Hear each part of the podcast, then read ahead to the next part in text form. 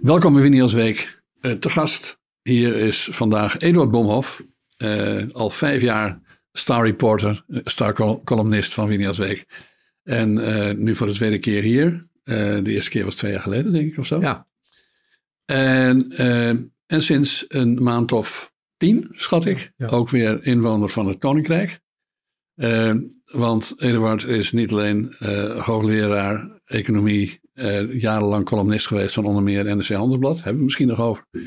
Uh, maar ook, uh, zei het kort, vice-minister-president in het eerste kabinet Balkenende.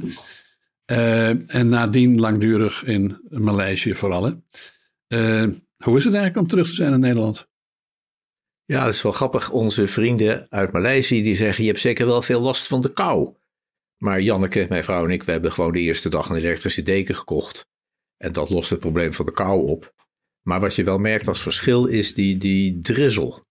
Kijk, daar in de tropen, dan regent het voor twee uur. En dan komt er in centimeters meer naar beneden dan hier. Maar hier regent het gewoon drie dagen achter elkaar. Ja, alleen zo'n heel klein beetje meestal. Ja, zo, zo, zo drizzel. En dat is, dat is meer een aanpassing om daar weer tegen te kunnen en je niks van aan te trekken natuurlijk. Ja. Dan, dan de temperatuur op zich. Ja. Maar mis je Maleisië nu? Nou, we hebben daar veel vrienden gemaakt. Ik had op de universiteit ook warmere banden waar we, nog, waar we echt ja, heel, hele goede herinneringen aan, aan bewaren. Kijk, mijn vakgebied was monetaire economie, dus dat is eh, rente, wisselkoersen, aandelenkoersen. En dan krijg je gouden een beetje de wat hardere types. Ja. En uh, ja, waar je dan niet zo makkelijk vrienden voor het leven mee wordt. En dat was daar ook veel vrouwelijke studenten, veel vrouwelijke promovendia. En we hebben hele mooie jaren gehad daar. Ja. En de studenten kwamen trouwens uit heel Zuidoost-Azië, toch? Dacht ik, of niet? Veel uit uh, Sri Lanka. Ja. In Sri Lanka is eigenlijk nog geen wereldklasse universiteit. Dus daar kreeg je veel. Heel veel uit Bangladesh. Ja. Vrouwelijke studenten uit Bangladesh die zijn dan blij daar in Kuala Lumpur. Want dan kunnen ze gewoon vrij over, over straat zonder een boer of een neef. Ja omdat Dhaka, ik ben er nooit geweest, maar de hoofdstad van Bangladesh, dat is toch een stuk wilder weer. Ja. Dus die, die genoten enorm van de vrijheid.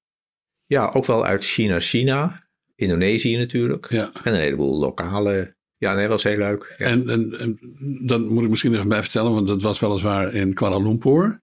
Maar de universiteit is een Australische universiteit. Ja, zeker. Ja, ik ben ook een paar keer ben ik op een tijdje decaan geweest en dan ging je dus naar Australië om daar instructies te halen en de strategie te bespreken. Ja, een Australische universiteit met ook Australische diploma's en Australische kwaliteitsnormen. ja, oké.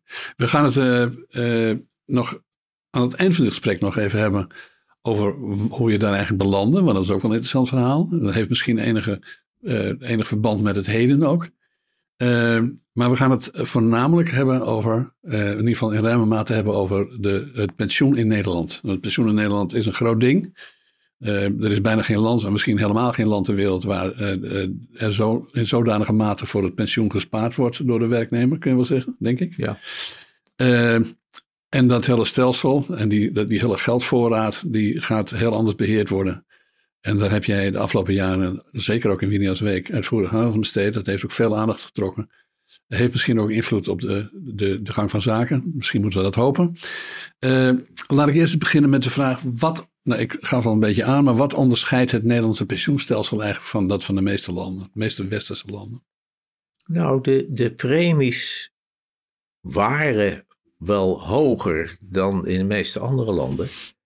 En met die verandering die nu komt, haal je eigenlijk weg de, de, het richtsnoer op de premies. Nu is het maar gewoon, nu wordt het, sorry, nu wordt het gewoon wat de werkgevers eh, betalen. Nou, dat wordt dan eh, jouw eh, pensioen. En het was natuurlijk, er is een belofte om dat pensioen te koppelen. Eerst was het het eindloon, toen was het het middelloon, dus het gemiddelde loon hè, van de mensen tijdens hun werkzame leven.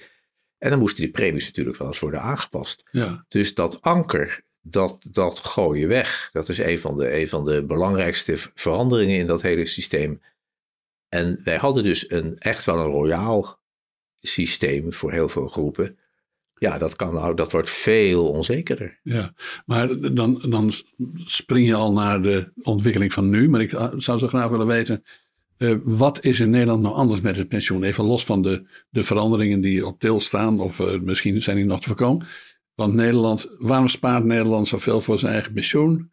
Uh, waarom gebeurt het in andere landen minder? hoe is dat ontstaan? Hoe is dat verklaarbaar? Ja, bedrijf, bedrijfstakken. We hebben natuurlijk, je wordt als onderneming ingedeeld in een bedrijfstak. En dan volg je de regels van die bedrijfstak.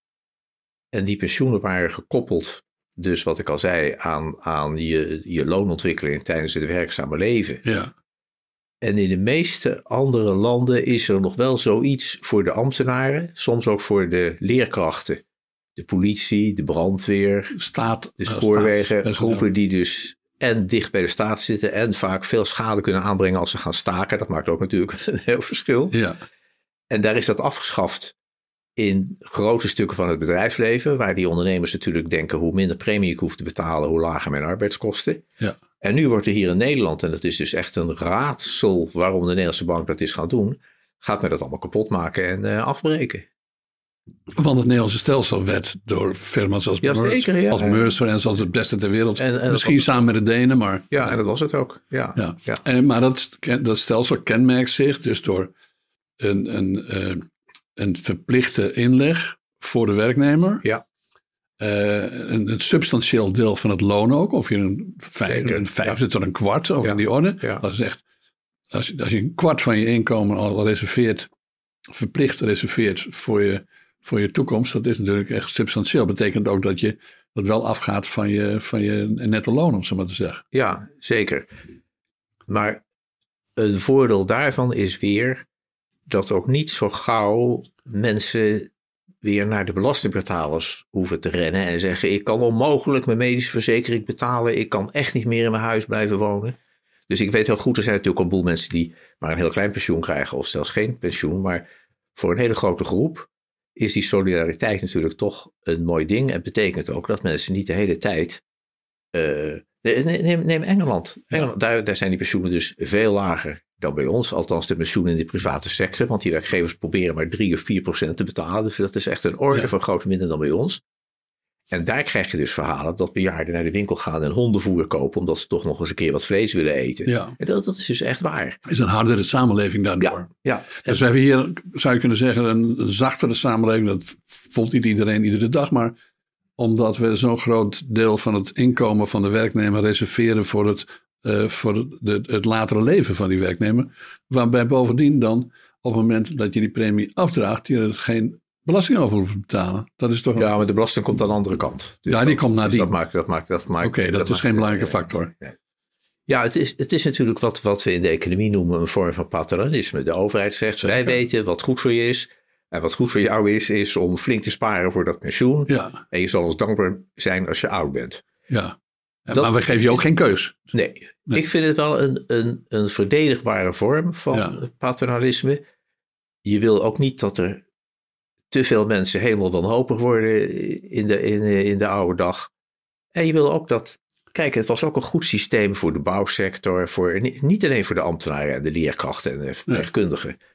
Dat mensen ergens op kunnen rekenen. En dat ze een, een, een eerbiedwaardig is nou misschien een heel ouderwets woord. Maar in ieder geval een respectvolle oude dag te, tegemoet Ja. konden zien. Dus die, de- je kan er van mening verschillen. Ik weet, er zijn natuurlijk ondernemers die zeggen... Had, had men dat nou toch gewoon zelf laten sparen? We hadden in Maleisië een systeem dat je gewoon spaart in je eigen pot. Ja. Dat, nou. En, en, en dat mensen dan zeggen, wat dan kan ik het gebruiken om mijn zaak uit te breiden... of mijn kinderen te helpen met een huis of wat dan ook. Dus het is paternalisme. Er zit, die, er zit ook die negatieve kant aan. Zeker. Ja. dat is wat het is.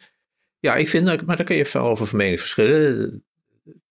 dat dat heel goed te verdedigen is. Ja. Maar goed, dat staat eigenlijk niet ter discussie. De, de, de- het feit dat werknemers verplicht Nee. eh, moeten afdragen aan een, een pensioenfonds dat ze niet kunnen kiezen, dat is wat blijft. Ja. Dat blijft. En wat is, een, wat is een soort stoorzender is nu? Er zijn allerlei pensioenadvocaten die willen natuurlijk gewoon eh, uren kunnen schrijven. En de ene pensioenadvocaat zegt dat dat nooit verplicht mogen zijn. En de andere pensioenadvocaat zegt het is een ernstige aantasting van de eigendomsrechten. Ja, En de derde pensioenadvocaat die komt weer met wat anders. Terwijl de hoofdzaak hier is dat je de deuren openzet naar veel lagere premies, slechtere beleggingen, Enfin, kan, we kunnen dat allemaal bespreken hier. Ja, ja. Nee, en dat dat dus helemaal, helemaal inferieur wordt. Ja, En ik, ik, ik zou dus liever willen, maar ja, ik bedoel, ik ben geen pensioenadvocaat en, en ik, ik kom vanuit de wetenschap, dus dan kijk je er misschien wat abstracter naar. Dat die ruis van al die pensioenadvocaten, dat dat misschien eens een beetje ophield en dat we ons concentreren op het hoofdpunt hier. En dat is, die pensioenen worden gewoon lager en slechter. oké. En dan gaan we, wat mij betreft, nu even kijken hoe dit zo gekomen is. En dan moeten we denk ik ongeveer terug naar de eeuwwisseling daaromtrent. hè? Ja, ja. Kort na de eeuwwisseling en na 9-11 en zo eh, eh, hebben wij, eh, ontstond er onrust in de pensioenwereld, staan we zo bij. Ja. We, we hadden een pensioen- en verzekeringskamer en die, eh, die werd opgenomen in de Nederlandse Bank. Want de Nederlandse Bank die, eh, die kon wel wat extra taken bij gebruiken, omdat ze onder, opgingen in de Europese Centrale Bank. Zo was het ongeveer, hè? Ja, eh, Vertel eens maar verder. ik, ik, weet, ik heb nu nog wel wat meer daarover geleerd. Door, Ja. door, al- door al die stukken in, met name in Winiers Week dan natuurlijk, in jouw blad. Dan krijg je ook eh, hul- behulpzame reacties. En van iemand die echt een echt, ik kan ook niet vertellen wie het was, maar iemand die er erg bovenop zat, die zei, het is heel simpel. De Europese Centrale Bank kwam en allerlei taken verdwenen uit Amsterdam naar Frankfurt. Frankfurt. En de Nederlandse bank waren bang dat ze dan zouden moeten krimpen enzovoort. En toen hebben ze bedacht, weet je wat, wij nemen die pensioenen erbij en dan hebben we weer een heleboel werk voor de toekomst. Nogmaals, ik kan dat niet bewijzen, maar ik heb het gehoord van iemand die er bovenop zat. Ja. En nou, meer dan één zelfs. En één ding staat vast, het is gebeurd. En dat is ook gebeurd in die vorm. Terwijl er geen één ander land in Europa is, dat heb ik ook geschreven in Winiers Week, waar dus de partij die toezicht houdt op de banken, waar je natuurlijk wel trouwig moet zijn. Die bankiers hebben altijd de neiging om te gokken met allemaal geld. Mhm. Die hebben ook het idee dat ze allemaal zo bekwaam zijn in, in al die financiële transacties, dat ze eigenlijk toch wel miljoenen per jaar aan bonus moeten ontvangen. Dus die moet je goed in de gaten houden. Die pensioenwereld, ik ben zelf heel lang ook eh, commissaris geweest bij twee grote pensioenfondsen. Dat is een veel kalmer wereldje. Je kan ook onmogelijk putten in, in dat belegde geld en daarmee gaan zitten gokken of zo. Een veel kalmer wereldje. En daar moet je ook, ook op een meer respectvolle en minder wantrouwige manier mee omgaan. En dat is dus precies waarom alle andere landen in West-Europa hebben dat uit elkaar gehaald. Verschillende cultuur, verschillende vormen van toezicht. Dus een eigen toezichthouder Ja. voor de pensioen. En wij zijn de enige. Zoals wij ook hadden. Ja, wij zijn dus de enige hier in West-Europa. En dat heeft dus niet goed uitgewerkt. Nee, want de Nederlandse bank heeft een actieve rol gespeeld bij het veranderen van het Nederlandse pensioenstelsel zoals dat nu Ja. voor de deur Ja, ja, ligt. dat is de drijvende kracht. Dat heb ik altijd, dat heb ik altijd tenminste gevonden. Ook op basis weer van gesprekken Ja, met, met top, oud-topmanagers in die sector. Wat, wat, toen hebben, wat er toen is gebeurd, is dat een aantal juristen bij de Nederlandse bank, geen economen, maar juristen die dachten, elke paar jaar krijgen wij weer van iets de schuld. Er was toen die iSafe, als je dat nog herinnert. Dat was een, een, een, een, een onbetrouwbare spaarbank uit nou, dat was, dat was onderdeel van de financiële crisis van 2008. hè. er was 2008. Er was de Scheringa Bank, waar de Nederlandse bank ook echt ernstig fout is gegaan. Zeker. Eerder nog waar, daar heb ik ook, ook over, veel over geschreven, was, waren de winsten driedubbelaars. Provincies en universiteiten Ja. die ook gingen gokken met rentederivaten. Fijn, Anders gezegd, jaar- de Nederlandse bank was als toezichthouder van, het- van de banken ja, eigenlijk eh, vaak Nou, tekort geschoten. Ja, niet altijd even succesvol. Ja. En toen hadden die juristen bedacht, als we die pensioenen nou reorganiseren en zeggen de bedrijven betalen de premies, we beloven niks meer wat het pensioen koppelt aan je inkomen, dan kunnen ze nooit ons meer ergens de schuld van geven. Want is dat dan goed belegd, dan is het een wat beter pensioen en is het slecht belegd, is het een wat lager pensioen. Maar ze kunnen ons niks meer verwijten. Nee, want tot dan toe bestond het algemeen idee dat er een, een, een, een, eh, het? Een, Ja, een, koppel, een koppeling aan het, aan het Ja, verdiende dat, inkomen. Dat mensen wil, wisten dat ze, laten we zeggen, ongeveer 70% van Ja. het verdiende inkomen zouden krijgen, het pensioen. Maar dat bleek helemaal niet, eh, dat bleek niet Nou, uit te nee, pakken. nee maar, maar en toen is dat het middelloon. Dat was op zich een, een, een intelligente verbetering van het stelsel, waardoor het ook minder kostbaar werd. En de Nederlandse bank dacht, dan kunnen ze ons nooit meer ergens de schuld van geven. Dat is op zich terecht. Maar die juristen hebben dus niet begrepen dat de enige manier om dat te doen is om als mensen wat ouder worden, dat geld veilig te stellen in een persoonlijk soort spaarpot. En dan mis je alle betere rendementen. Ja, En vanuit het landelijk belang bekeken, wat je zou hopen is dat die pensioenfondsen ook helpen, bijvoorbeeld bij de woningbouw.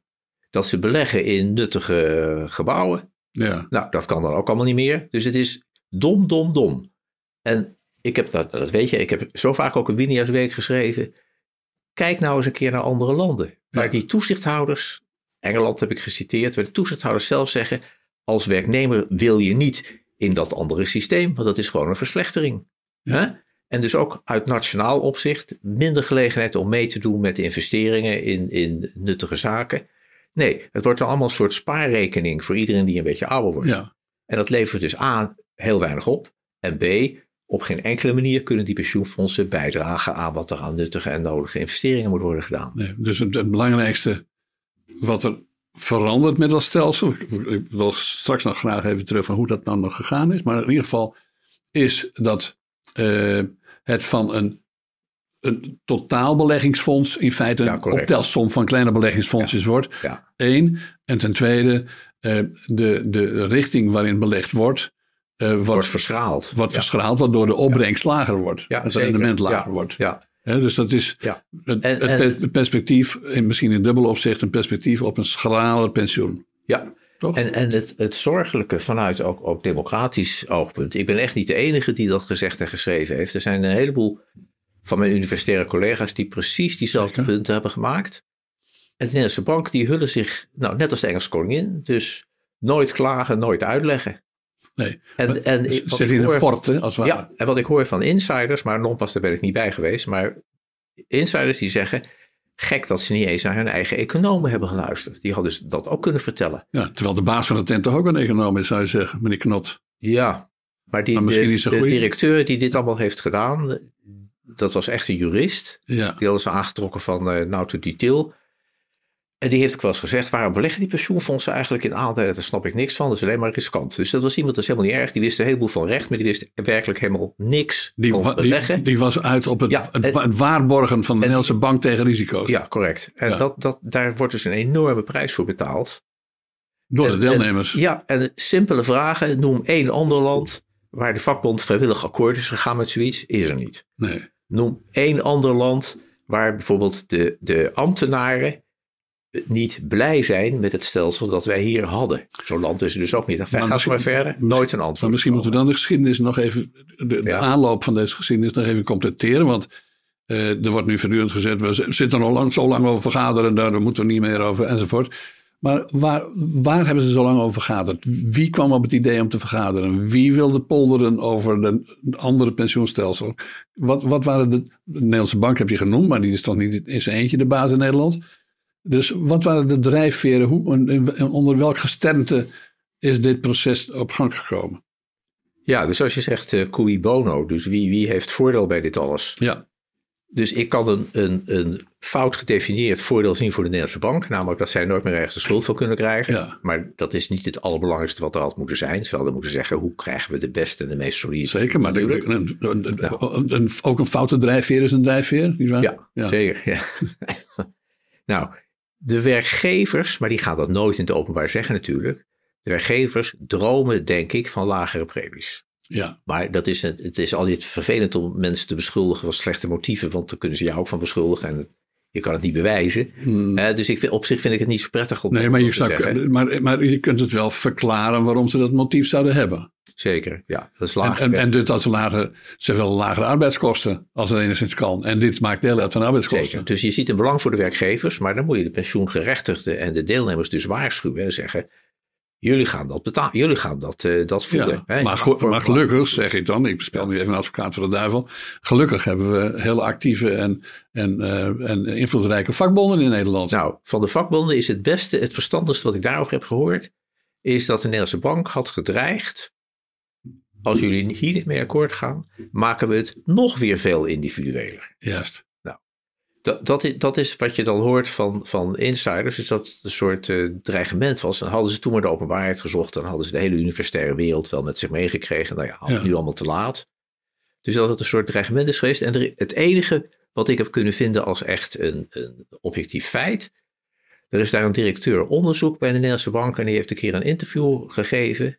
Ik heb daar geloof ik ook een keer in Winners Week over geschreven. Zeker. En die zei in het interview, zei hij, luister eens, als het aan ons had gelegen, was het nog veel individueler geworden. En Ja, dat ja. ze daar dus, ongetwijfeld samen met de werkgevers, de vakbonden mee hebben bedreigd.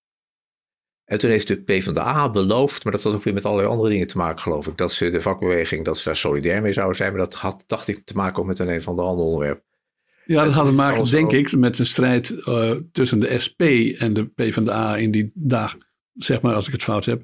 Maar eh, eh, rond 2010 speelde heel erg dat de SP de baas wilde worden in de, bij, de, bij, bij de FNV.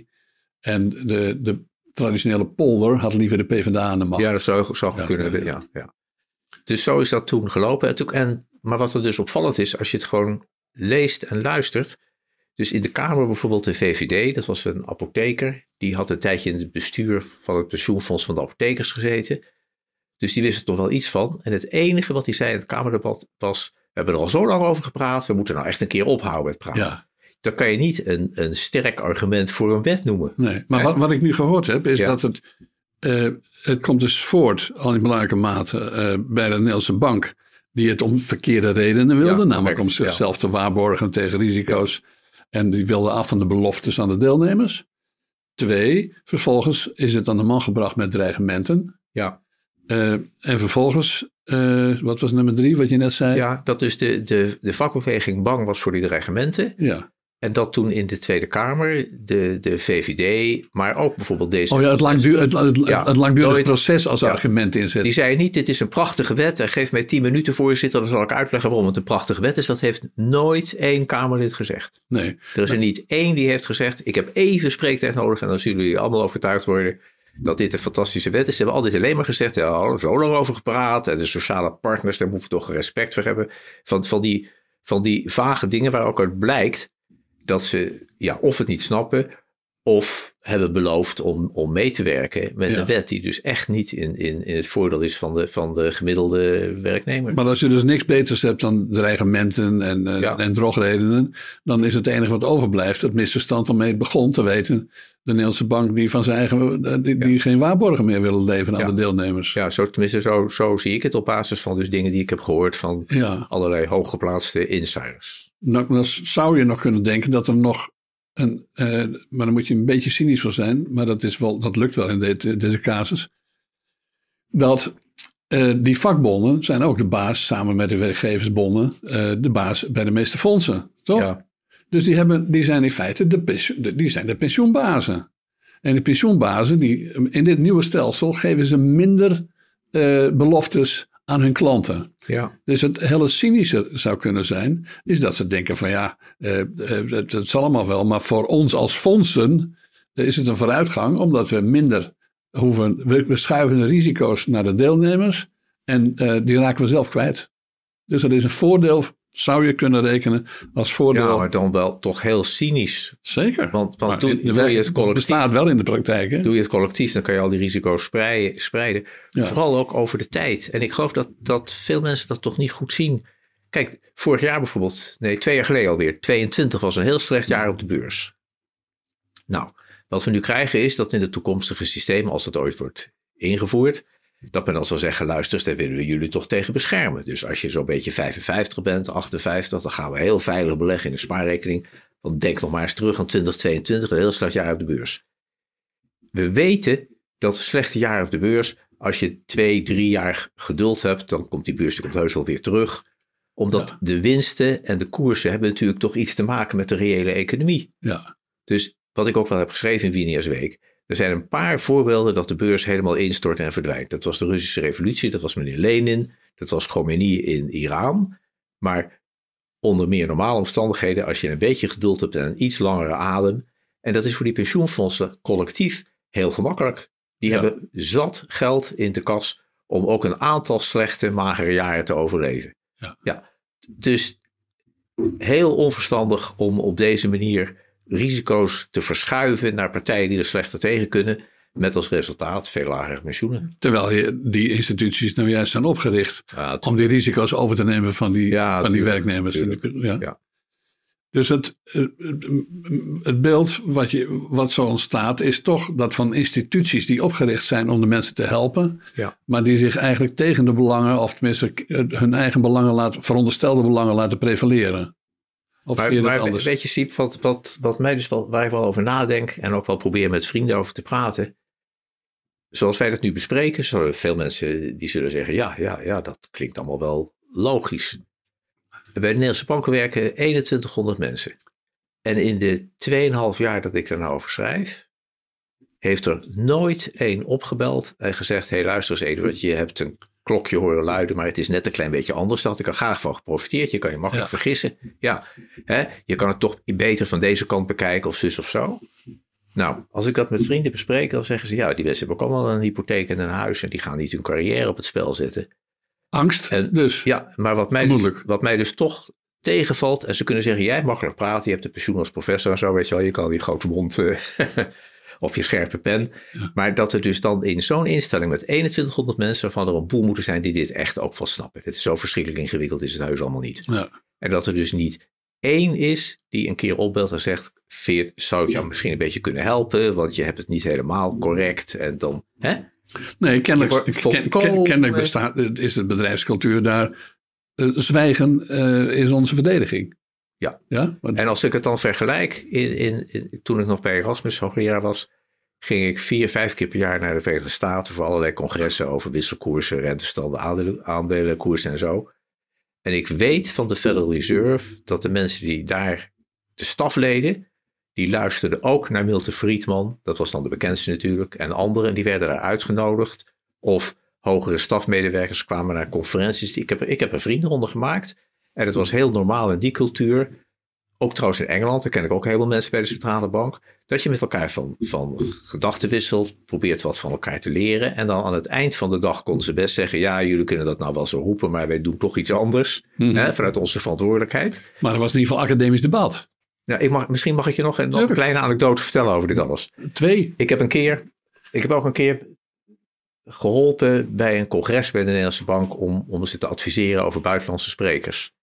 Dan kom je daar op dat congres. Hartstikke leuk. Mensen vliegen in uit Amerika en Japan en zo. Er was ook dokter Ising van de Bundesbank. Nou is de Bundesbank toch vier keer zo groot als de Nederlandse Bank, dus die man heeft het ook druk. Dan kwam de president van de Nederlandse Bank, die opent het congres. Hij zei, buitengewoon belangrijk, hier zien we echt uit naar de resultaten. En daarna verdwijnt hij weer, want hij heeft natuurlijk verschrikkelijk druk en is vreselijk belangrijk. En dan zie je hem weer bij het slotdiner.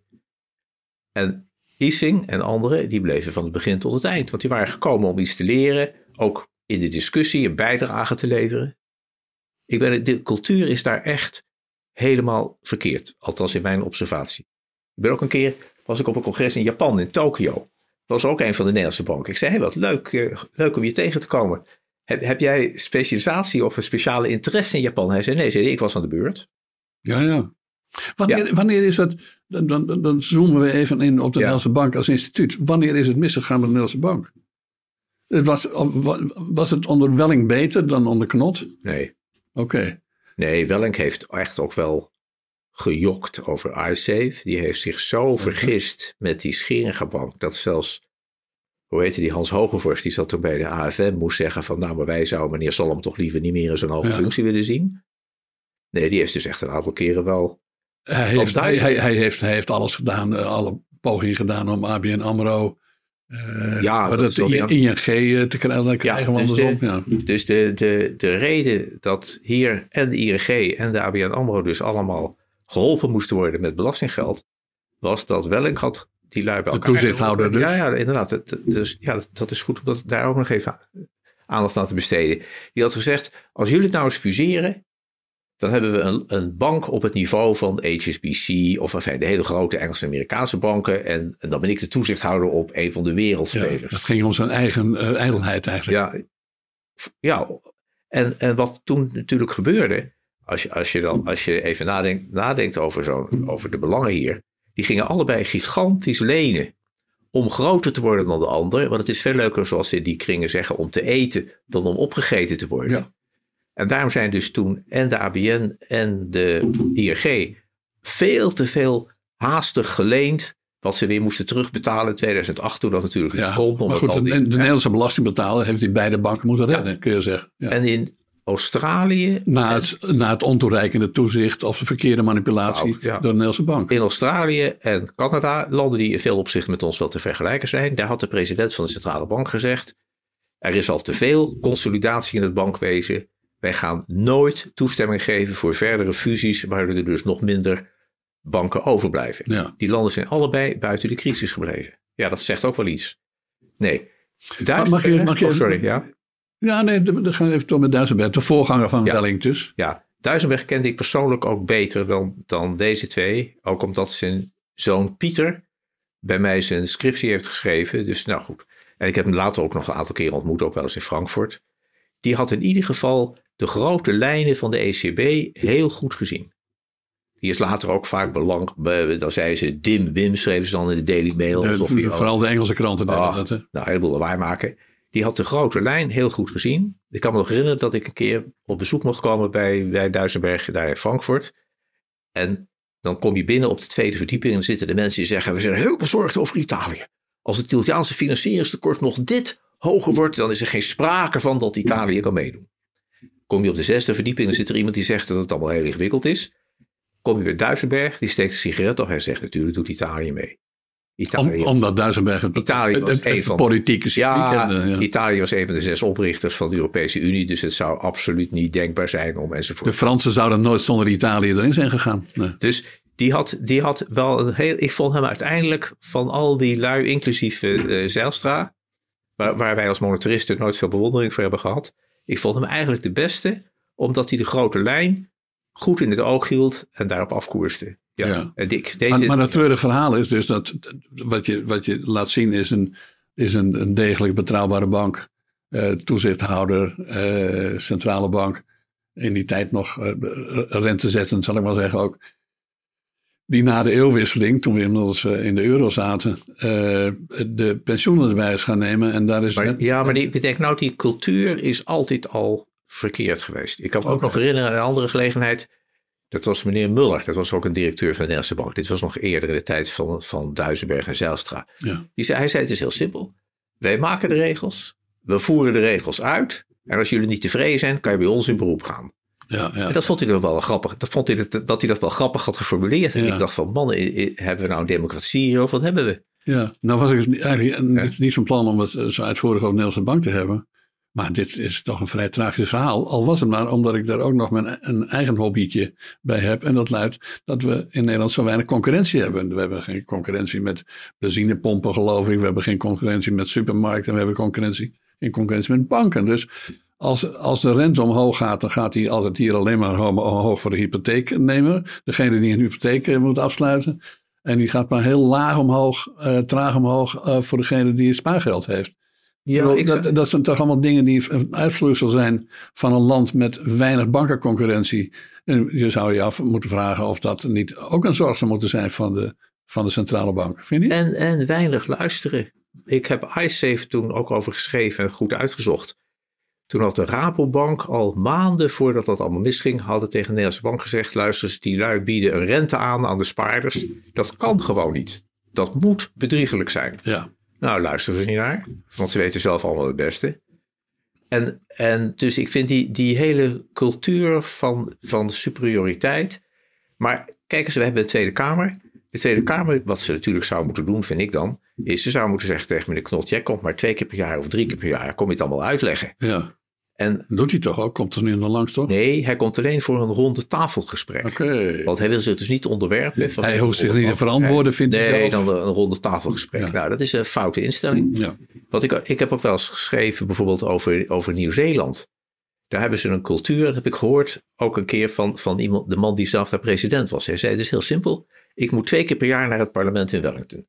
En dan moet ik twee brieven meenemen. Een verslag van werkzaamheden over de afgelopen zes maanden. En een ongedateerde ontslagbrief. ja, ja. Dat was een manier om het dan een beetje beeldend voor te stellen. Hij zei, en een van die twee accepteren ze, of de een of de ander. ja. En dat is de goede houding. En waar ik dus ook in Wiener's Week over heb geschreven, dat gokken met die, met die rente, dat heeft dus tientallen miljarden gekost. Hebben we het over de rekenrente nu? Hè? Nee, nee, met, de, met die rentederivaten. Dat, Oh, oké. Ja, ja, ja, sorry. En dan nog steeds, en dat vind ik dus echt moeilijk te, moeilijk te plaatsen, zegt de Tweede Kamer niet, komt dat eens uitleggen. Dus het, ligt, het is niet alleen meneer Knot die een, een foute attitude heeft, net als een aantal van zijn voorgangers. Maar Het het is ook de de Tweede. Kamer die dat dus niet durven. Ja, nee, oké. Of denken dat er niks voor hun Maar, in maar dat, dat past dus in die traditie van dat eh, de, de, de, de Nederlandse bank eh, opdrachten geeft aan de regering en parlement in plaats van Ja. andersom. Hè? En dat past, denk ik, weer in wat, eh, met name bij de totstandkoming van de, de eurozone, heb ik dat zelf ook waargenomen, dat als er, als er één land was dat, dat dat, dat voorop ging in, de, in het uh, al dan niet op papier onafhankelijk zijn van de centrale banken, dan was het wel Nederland. Dus op een manier is de Nederlandse bank daar altijd heel sterk, heel knap in geweest om zich totaal te vrijwaren, uh, zich een soort fortpositie te gunnen. En op een ongezonde manier. Ja. Ik vind echt dat als je, je moet in contact blijven met de wetenschappers, je moet in contact blijven met, met gewoon de, de Tweede Kamer. En je open opstellen en accepteren dat niet alles helemaal perfect is. Nee. Maar die mensen hebben dus het idee, als we alles en iedereen nou maar doodzwijgen.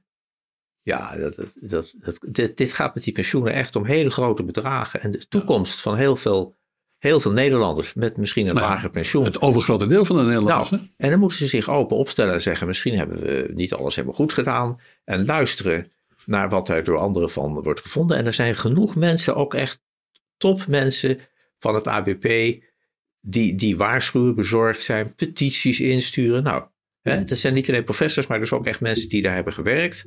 Die petities, ten eerste ook, dat, die gooien ze gewoon in de prullenbak. Daar trekken ze zich Ja. niks van aan. En dat is een hele, vind ik, een hele foute instelling. Maar waar, waar we, ik, dan gaan we weer terug naar de pensioenen. Dat moet ook even gebeuren, denk ik. Eh, wat ik graag nog even wil in dat verband eh, nog even wil inbrengen, is het volgende. We zien ook een proces waarbij de, de, bijvoorbeeld het ABP, wat je net noemde, eh, zichzelf voortdurend nieuwe opdrachten geeft die niks te maken hebben met het optimaliseren van de, van de pensioengelden van de deelnemers. Ja. dus die, op een manier zijn er voortdurend actiegroepjes en lobbyclubjes die, eh, die dan eh, diversiteit en duurzaamheid en je mag geen wapens kopen, wat in het geval van de Oekraïne misschien best een goed idee was geweest. Eh, je mag geen, niet investeren in Shell. Dat zijn, dat zijn, als het dan toch gaat over het, het eroderen van eigendom, dan is dat toch een vorm van eroderen van eigendom, zoals dat nieuwe stelsel dat in feite ook is, of niet? Ja, in, in theorie is het wel denkbaar, en daar zullen ook wel voorbeelden van zijn, dat het efficiënter is om te beleggen in sympathieke bedrijven dan om, zeg nou maar, onsympathieke bedrijven langs ingewikkelde routes te dwingen hun beleid te veranderen. Maar in de praktijk, nou, neem bijvoorbeeld elektrische auto's. Ja. De mening over de elektrische auto's is duidelijk aan het veranderen. Vanwege de, wat is het, kobalt, nikkel, wat er allemaal in die dingen wordt Ja. verwerkt. Ze zijn zo verschrikkelijk zwaar. Ja. Dat, dat kleine onderdelen van de banden, die blijven allemaal op de weg liggen. Enfin, er zijn allerlei, allerlei De sympathie valt weg. nou, Ja. sympathie valt weg. En wat je toch niet wil, is dat de pensioenfondsen eerst de ene kant op rennen met z'n allen. En dan twee jaar later weer de andere kant op rennen. Betaalt hij twee keer de prijs. Ja, dus, dus er is wel een, een. Ik kan zien dat er in theorie wel argumenten zijn om, om te beleggen op een manier die, die helpt bij de aanpak van het CO2-probleem en zo. In de praktijk wordt het al heel vlug modieus en kostbaar. Dus maar ik, ik, Zeker, nou ja, en als, en als je, en als, je als, als handelaar, als je er als handelaar naar kijkt, ik bedoel, daar ben ik dan wel niet, maar ik doe even alsof. Als handelaar kijkt, zeg van nou, als iedereen op, op, eh, op niet-commerciële gronden afrent op niet-fossiele dingen, dan betaal je voor die niet-fossiele dingen te hoge prijs en zou je de fossiele dingen goedkoop kunnen inkopen. Of is dat een rare redenering? Nee, dat klopt. De, de- dus stel je voor dat we allemaal nou die, die richting of die mode volgen en zeggen: nee, nee, aandelen Shell, dat is een heel slecht bedrijf, daar willen we niks mee te maken hebben. Dan wordt Shell allemaal goedkoper. Wordt het opgekocht door Aramco uit Saudi-Arabië. Ja. Ik weet niet of we dan heel veel verder zijn. Ja, dus dat is, dat is ook een goed argument om daar heel, om daar heel, eh, heel voorzichtig Maar in ieder geval, in ieder geval er- zijn zeg, in het recente verleden twee ontwikkelingen, minstens twee ontwikkelingen gaande. eh, op grond waarvan eh, de, de deelnemers, dus de overgrote Ja. deel van Nederland, zich zorgen moet maken over zijn eigen pensioengelden. Of omdat ze door hypes worden gerund, dan wel omdat ze door misverstanden worden gerund, zoals het misverstand door de Nederlandse bank wordt verkocht. Ja, en, en ook technisch gesproken, wat dus ook helemaal fout is, is dat het ABP bijvoorbeeld, die noemde je net ook, die zeggen dan, wij gaan zelf een nieuwe index ontwikkelen om eens te kijken of we het goed doen. Dat ze dus niet eens, nou ze snappen dat wel natuurlijk, maar ze trekken zich er niks van aan. De manier om dat te doen is, je hoort een trustee aan te stellen, die maakt die index en dan kijkt die, die meet, legt jou langs die meetlat en die vertelt of het een beetje gelukt is of dat het niet gelukt is. Dat doen ze, dat doen ze allemaal, allemaal in eigen huis. Dus ze worden tegelijk speler en Ja, scheidsrechter. ja. En ik, Wat de Nederlandse bank ook altijd al was. en ik, ik, nogmaals, ik, ik zie dat je wel genuanceerd kan kijken naar het idee om milieuvriendelijk te, te beleggen, dat, dat, is ingewikkeld, dat is ingewikkeld. Hoewel dat al nu alweer uit de mode gaat in de Verenigde Staten. Want er is een boel hype over geweest. Hè, nou ja, maar dat, dat is een, belangrijkste kenmerk van hypes. Hè? Dat ze, ja. Uh, maar dus dat je zegt, wij zijn gelijk speler en scheidsrechter, dat is zo schandalig als je wat weet van beleggen. Ja. Ja. Nu, nu we, we zijn nu uh, uh, rond 1 februari 2024. Ik vrees, nou, ik sluit niet uit dat op beide fronten die ik nu net aanstipte te weten, die, die hype van of je niet of wel in fossiel mag beleggen, dat die aan, onder druk staat. Ja. Want de, de times they are changing in veel opzicht. Times they, they are also a changing als het gaat mogelijkerwijs over het pensioenstelsel dat op verzoek of op aandrang van de Nederlandse Bank in Nederland is ingeschoven. Dus de Tweede Kamer is akkoord gegaan een klein jaar geleden. Uh, daarmee leek het een voldongen zaak, voldongen kwestie. Uh, maar inmiddels hebben we verkiezingen gehad. Er is een andere, zijn andere politieke meerderheden. En jij weet als geen ander hoe de zaken ervoor staan, naar ik hoop. Hoe staan de zaken ervoor? Nou, er is wel een meerderheid in de Tweede Kamer nu die helemaal niet de duim opsteken voor die nieuwe wet. Hoe zich dat uitspeelt, dat hangt natuurlijk ook echt af van de VVD. Die maar de VVD is natuurlijk de regeringspartij geweest die dit allemaal gesteund heeft uiteindelijk. Ja, dus die, die zouden dan... Ja, en er zitten natuurlijk bij, bij Omtzigt zitten helaas, zeg ik nou maar voor het gemak, een heleboel oud-CDA'ers die in hun tijd ook wel voor dat plan waren. Dus dat is, die moeten natuurlijk een draai maken. Hij heeft gelukkig ook een actuaris, eh, Agnes Jozef, die, die echt snapt dat hij aan de hand is. En die waarschuwt heel krachtig tegen die wet. Ook uit eigen ervaring, hè? Ja. Ja, dus ik, ik kan op het moment dat wij nu praten, ik kan werkelijk niet voorspellen hoe dat af gaat lopen. Maar ik hoop vurig, maar dat weet jij, eh, Siep. Mm Ik hoop vurig dat we die wet, dat dat ons bespaard blijft. Maar, maar goed, die wet is aangenomen. Dus de, de, de, in feite zijn we nu bezig met de bespreken van de nieuwe wet, namelijk de wet die het gaat introduceren. Kun je dat, stel, kun je dat zo noemen? Ja, er moeten nog allerlei dingen worden afgesproken, goed gevonden. Vreselijk ingewikkeld allemaal. Maar het is nog helemaal niet te laat. Je hebt nog zeker één of twee jaar de tijd om te zeggen: Nou, we doen het maar een klein beetje, of we doen het voor de helft, of we doen het helemaal niet. Ja. En ik of, of we geven de deelnemers inspraak. Of, eh, ja, toch? en ik vind toch op dit moment vind ik wel slim van die actuaris Agnes Jozef dat ze heeft gezegd: laten we in ieder geval de bestaande gepensioneerden vrijwaren. Ik heb ook een brief gekregen. Je bedoelt dat die geen last krijgen van ja, het dat, dat die in het oude systeem blijven. Ik heb ook net, net een brief toevallig, die werd doorgestuurd door een ouderenbond. Die zei, wat vind je hier nou van? Nou, ik zou je vertellen wat voor brief het was en wat ik daarvan vond. Dat was een, iemand en die wou naar een kleiner huis gaan. Maar dan moest hij wel, waar hij nu zat, verkopen, iets nieuws kopen, hypotheek. En de bank zei, ja, maar uw pensioen gaat misschien 20% naar beneden. Dat zou echt kunnen. Dat zei de bank over het nieuwe stelsel. Nee, de bank zei, uw pensioen gaat misschien... Er zijn allerlei tabellen waar het ook in staat. Ja, maar naar aanleiding van het nieuwe stelsel. Ja, ja. Zo. Uw pensioen gaat misschien 20% naar beneden. Dus wij, wij kunnen echt niet veel hypotheken verschaffen op dat huis. Dus die meneer die vroeg, wat, eh, wat is dat nou allemaal? Ja, nou, dat is dus een consequentie van die nieuwe wet. Dat wordt allemaal onzeker. Zelfs voor de mensen die nu al met pensioen zijn. Die brief van die bank, die wil ik graag zien. Ja, nee, die, kan, ja.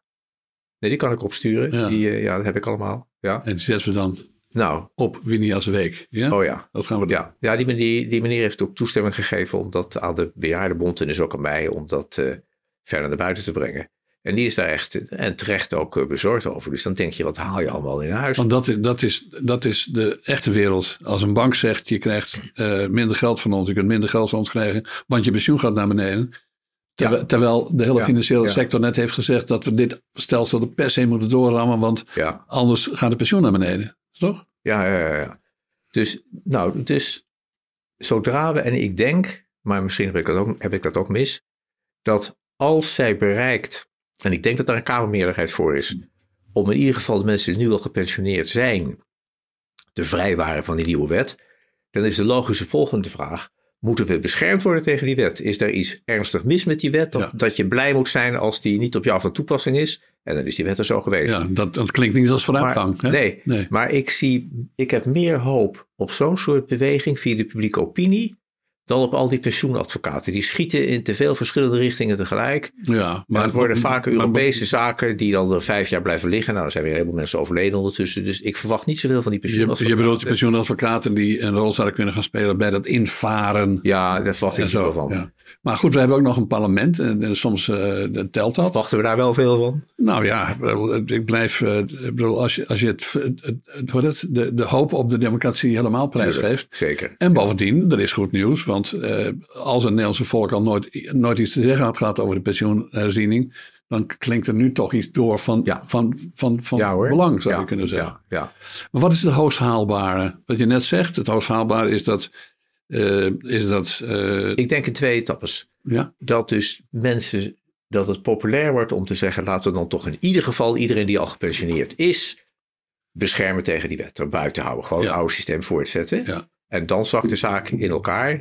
Want, denk de, want de wilde Maar rest. Het is wat ik hoop en het is wat ik denk. ja, ja, ja. Omdat mensen dan zullen zeggen, ja, als je daar tegen beschermd moet worden, dan, dan is er misschien toch iets ernstig mis met die wet. Ja, en er zijn ongeveer, iets, zeg ik mijn hoofd, iets van 10 miljoen deelnemers. En er zijn nog iets van 3 miljoen eh, Ja, mensen die er nu al. Ja, eh, geloof ik wel, ja. ja. Dan zakt dan zakt Nou ja, dat is, dat, dat is het aantal AOW'ers, hè, u gesproken. Dus dat. Maar het zou natuurlijk ook helpen als de Tweede Kamercommissie van Financiën en Sociale Zaken, als die hun moed verzamelden en meneer Knot vroeg om het dus allemaal te komen uitleggen. ja. En- en dan niet van die flauwe praatjes. En geen ronde tafelgesprek, maar gewoon serieuze vragen eh, beantwoorden. En zeker ook over de tientallen miljarden. Dat is, heeft Martin Verrooyen van helaas een klein partijtje nog maar. Ja. Maar die houdt dan dapper vol. En dat wordt ook niet Je bedoelt die tiental besproken. miljarden Ja, ja, uitvoeringskosten. over die, ja, nee, en, de, en dat gokken op, die, op al die rente ja, ja. en maar het woord uitvoeringskosten hadden we nog niet eens Oh, dat- gebruikt. Maar dit ja, wordt natuurlijk nog. een heel duur nog. stelsel. Ja, ja, gigantisch. Ja. Alsof, je daar, alsof je niet uit moest zijn op het omgekeerde, zou ik zeggen. ja, ze hadden beloofd, het zou dan allemaal simpeler en begrijpelijker worden. Nou, daar is, die, die, dat is al opgegeven, die twee. Ja. Dat, daar klopt helemaal niks van. Als je voor alle Nederlandse pensioenfondsen moet beginnen, dan eh, worden de uitvoeringskosten sowieso hoog natuurlijk. Ehm, ho- hoeveel tijd gaat hier overheen, over dit proces? Want ik bedoel, dat invaren, dat kan nog jaren duren. Dat- Ja, maar dat begint pas op zijn vroegst, denk ik toch, in de loop van 25 hoor. Oké. Maar dus we twee- krijgen, we krijgen daar op, voor het eerst last van in 2025. Of in 2025 zijn de grootste eh, stekels eraf gehaald. Ja, ik hoop dat die, dat die wet gewoon in elkaar, onder zijn eigen narigheid eh, bezwijkt hoor. Ja, En dat houdt dus erg af van, van de Agnes Jozef of dat eh, lukt. Ze heeft nu een aantal vragen gesteld. Daar heeft dan de minister Schouten alleen maar ontwijkende antwoorden op gegeven. ja. Ja, Die- dan moet je het doorpakken. En je weet Ja. niet of dat, dat is makkelijk voor mij om dat te zeggen. Maar misschien heel moeilijk voor die mensen om dat te doen, voor die Kamerleden. Dat weet ik niet. Ja, van een, deel zal terug moeten komen op een vorige standpunt. Ja, En misschien hebben ze het vorige standpunt ook niet zelf bedacht. Hebben ze het ook maar... eh, ja dat vindt niemand leuk. Dus dat, eh, ja, Nee. we, we moeten dat afwachten de komende maanden. Oké, Maar nou, we houden hoop. ik moet je bekennen eh, dat ik nooit had gedacht dat, dat we hier bij Winnie als Week van het pensioen een groot nummer zouden maken. Want eerlijk gezegd vond ik het ook altijd saai en zo. Dus ik ging daar graag met een grote boog omheen. Maar ik ben erachter gekomen dat het misschien nog een beetje saai is. Maar het is zo geweldig belangrijk en interessant.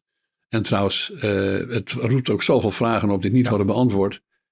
En ik moet je eerlijk zeggen, er kijken veel mensen naar. Er zijn veel mensen die het lezen. Dus het is niet zo dat we tegen de wind in staan te blazen of zo. Zo is het niet. Nou, dat is heel, eh, heel bemoedigend. Ja. Ik wil nog even met jou eh, over de, de, de, de rest van de toestand. Je bent nu sinds een jaar weer geland in Nederland. We zitten midden in een, in, een, in een kabinetsformatie van een toch wat bijzondere aard. Het lijkt misschien nog het meest op een kabinetsformatie van, althans zijn zeker overeenkomsten met de kabinetsformatie eh, waar jij nog mee te maken had. Dat weten die van 2002, toen je uiteindelijk eh, eh, ook vicepremier werd. Of zie je die overeenkomst niet? Eerste kabinet Balkenende en de huidige kabinetsformatie. Nou, ik hoop dat één overeenkomst, of één ding wat ik toen zag en meemaakte, dat we dat niet nog een keer krijgen. Dat was namelijk dat de VVD vanaf het begin gingen manoeuvreren. Ik ben toen later nog gewoon in de persoonlijke sfeer op een feestje geweest of een, een, een partijtje bij een aantal, toevallig aantal mensen heel hoog in de VVD en iemand uit het landelijk bestuur. En die zei, joh, zei ze, Edo, dat is heel simpel, wij wouden die stemmen gewoon terug. Ja. En die zijn toen gaan En manoeuvreren. daarom is het kabinet ook geblazen. Ja. Ja. En, en, want als je kijkt, heb- heeft de LPF iets, ooit iets onbehoorlijks gedaan in het parlement? Nee. Misschien waren er een paar dronken schapen, maar het waren in ieder geval makke schapen. Mhm. Die hebben werkelijk nooit moeilijkheden gemaakt. Maar ik herken wel weer, toen was het ook met Prinsjesdag, dat Salm dus zei, kunnen jullie wel rekenen, ha ha ha. Nou, dat krijgen we nou weer verdorie. Hè, Ja, tegenover, dat, wat nu uitgelekt over de BBB, Ja. dat die niet Nou. zouden kunnen rekenen. Ja. We weten niet zeker bij de moet ik eerlijk zeggen, dat de VVD dat gedaan heeft, maar het riekt er een beetje naar. Nou, Ja. dus dat is dan een naar. Dan denk je van, tjee, komt dat nou weer terug? En, en dus daar ben, hoop ik dat ik geen parallel ga zien. En ik denk dat, nou dat weten we, dat, wat is het, 70, 80 procent van de VVD-kiezers, die zouden hopen dat er nou vlotte regering komt, die, die wat dingen gaat doen. En dat de VVD ook weer een beetje een partij wordt die, die zich inzet, ook voor zelfstandige ondernemers, of fijn, de gewone klassieke VVD. Ja, ik kan ook niet voorspellen eh, hè, hoe, hoe dat zich allemaal eh, af gaat spelen. Maar je zou toch niet willen dat er weer allemaal van die spelletjes worden gespeeld zoals toen in 2002. En misschien in 2012, hè? Want laten we niet vergeten, in 2010, 2012 hebben we ook Ja, een, een combinatie gehad waarbij de VVD zich niet gedogen. Maar of dat nou helemaal loyaal gebeurde, of de, de loyaliteit van de VVD en die coalitie was ook niet totaal, lijkt Nee. mij. Hè? nou misschien helpt het nog als, als ik één praktisch voorbeeld geef over de dingen die nu deze weken spelen. Dus dan komen weer bij elkaar de president van de Nederlandse Bank en de man van het planbureau en de hoogste ambtenaar van Financiën. Het zijn allemaal oud-ambtenaren van Financiën. Ja. En die zeggen, we moeten toch vooral oppassen dat we niet te veel geld uitgeven. Dat is heel verstandig. Maar wat we ook moeten doen is zorgen dat de economie weer wat gezonder een beetje gaat groeien. Dan geef ik één voorbeeld. Als bijvoorbeeld BBB zegt, kunnen we nou niet de stikstofproblematiek een paar jaar voor ons uitschuiven en een heleboel huizen bouwen? Mhm. Ik hoor nu al verhalen dat mensen die in Utrecht werken, die moeten in Arnhem of die dorpen voorbij Arnhem gaan wonen, omdat het in Utrecht volkomen mogelijk is om nog een huis te kopen. Die zitten elke dag dus een uur in de trein. ja. Dan kan je moeilijk, Of in de auto stikstof Nou, produceren. dan kan je moeilijk tegen ze zeggen, jullie- kunnen jullie nou niet eens een beetje wat meer uren gaan werken? Daar gaat de economie ook van vooruit. Mhm. Dus je moet dat veel meer globaal bekijken, ook vanuit wat, wij- wat je zou kunnen noemen de aanbodkant van de economie. En als BBB ideeën heeft dat die economie wat efficiënter gaat werken en dat er wat ruimte komt om dingen te doen waar mensen op zitten te wachten, dan is dat een plus. Maar die plus wordt dus helemaal niet gezien door die rekenaars van het ministerie van Financiën, want die zeggen nou economisch groei, daar is, is verder niks aan te doen. Dat zit ook niet in die modellen van het planbureau. Nemen ze de economische groei aan, daar is dus niks aan te doen. Je gooit dus de hele aanbodkant van de economie, waarom, waarom sommige landen sneller groeien en zich dynamischer ontwikkelen dan de andere, gooi je helemaal weg. Mhm. Dan ga je alleen maar zitten tellen naar dat tekort. En als Caroline dus zegt, dat lijkt mij niet de goede manier om er naar te kijken, en wilde ze ook wel zoiets Dan vinden ze dat een domme opmerking. Hè? dan vinden ze dat een domme opmerking. Ja, ja. Terwijl we Ja. daar toch een prijs voor hebben betaald. Ik weet niet hoe jij er tegenaan kijkt, maar het eerste kabinet Rutte en het tweede kabinet Rutte, eh, die hebben eh, ijveriger dan Brussel vroeg, eh, zo ongeveer, Ja. hebben ze totaal los, los van enig oog op de, op de effecten op de economie, uitsluitend naar het, het, financieel, het, het, het, Ja, ja, ja. het, het financieel tekort gekeken. Eh, waarvan iedereen nu wel weet dat dat een, een eenzijdige manier was om eh, de, de, de overheidsfinanciën en de economie te be- beoordelen. Maar dat is wel vanuit financiën gedicteerd. Met Ja. nefaste effecten van de, op de Nederlandse economie. En Hè, ik, zou, dus- ik zou dus zeggen, het allerbelangrijkste voor al die mensen om, om goed naar te kijken is, de chemische industrie die gaan vertrekken. We gaan geen kunstmest meer maken in Nederland. Nou, allerlei bedrijven moeten het dus opgeven omdat het gewoon hier te duur is geworden. ja. Komen daar genoeg andere bedrijven voor in de plaats? Ik zou zeggen, dat is nog even belangrijker. Dan wordt dat financieringstekort nou 1,2 of 1,5 of 1,6. Ja. Maar die, die fixatie, het is, het is goed dat je zuinig bent. Het is allemaal toch uiteindelijk belastinggeld. Dat vind Ja. ik heel goed. Maar er is dus ook de andere kant van de economie. Komen de bedrijven die kunnen overnemen wat uit ons land gaat verdwijnen. En, en daar hoor je ze dus niet over bij de Nederlandse Bank en het Centraal Planbureau en die, die ambtenaren bij Financiën. En dan gaan ze ondertussen die Caroline zitten plagen dat die geen boekhouder heeft gestudeerd. Nee. Ja, dat is, niet goed. Terwijl de eigen fouten evident zijn. Ja. Ik dank je wel.